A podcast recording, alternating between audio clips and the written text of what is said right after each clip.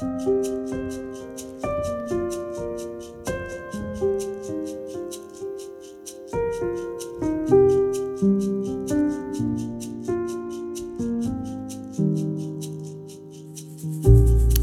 du lytter til Spires pod, og i dette året 2021 som fortsatt oppleves litt bratt for mange av oss, og der vintermørket rir, fortsetter jeg å lese fra boka Gi mine øyne lys, og en gjennomgang av Salme 13 i lys av det å oppleve sterkere eller svakere grad av depresjon.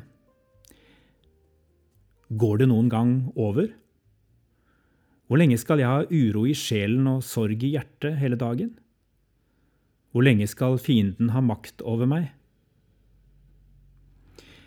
Å ha en urolig sjel og et sorgfullt hjerte kan være uutholdelig smertefullt. Altfor mange stenger smerten inne i seg. Syke betyr sjel. Sykdom på sjelen er vanskeligere å være åpen om enn fysisk sykdom. Hvor lenge skal dette vare? Noe av det tøffeste å forholde seg til i en depresjon er at hjelpeapparatet ikke kan tidfeste hvor lang tid det vil ta å komme seg opp igjen av mørket.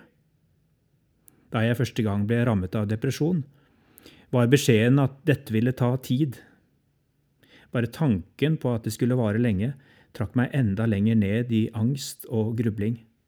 Jeg skulle vel klare noen dager, en uke, men mange måneder?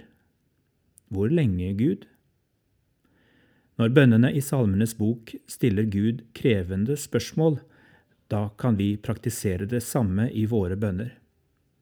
Fullstendig uten erfaring med den mørke gruvesjakten var det også nesten umulig for meg å tro på stemmene der oppe som sa at det alltid finnes en vei opp, du må ta tiden til hjelp.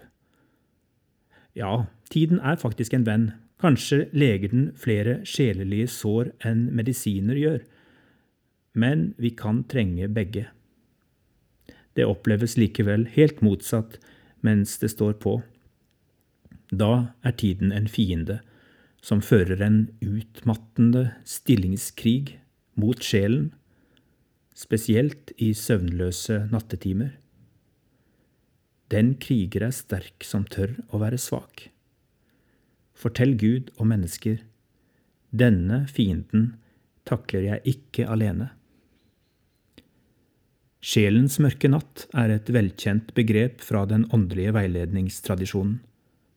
Temaet tas opp senere i boka og har en del til felles med det vi i moderne språkbruk omtaler som en depressiv fase. Her vil jeg bare nevne at denne tradisjonen advarer mot å anstrenge seg for å forkorte eller forsere den mørke natten. Den må få ta den tid den trenger. Det er på ingen måte et enkelt råd å følge.